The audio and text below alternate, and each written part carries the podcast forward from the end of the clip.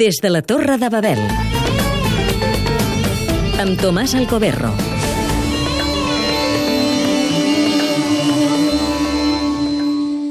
No ha estat gens fàcil que el ministre de l'Interior acceptés el matrimoni civil al Líban.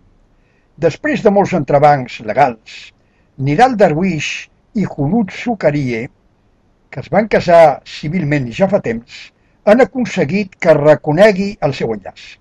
Per primera vegada s'ha trencat el sistema confessional establert en aquest estat, únic al món, perquè es regeix per un sistema de distribució de càrrecs de l'estatus personal entre les diverses comunitats musulmanes i cristianes.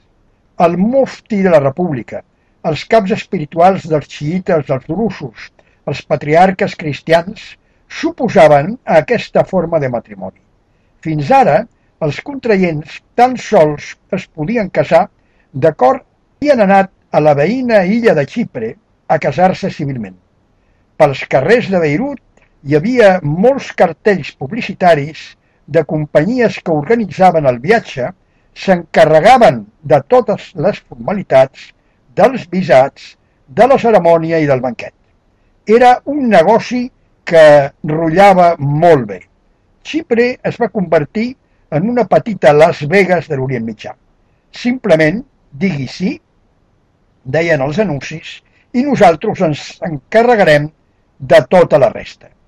Els casaments civils tracten, sobretot, de conquistar un espai de llibertat dins d'un país on tot està sotmès a la confessionalització de la vida col·lectiva i personal, de la qual, de la qual és molt difícil escapar-se.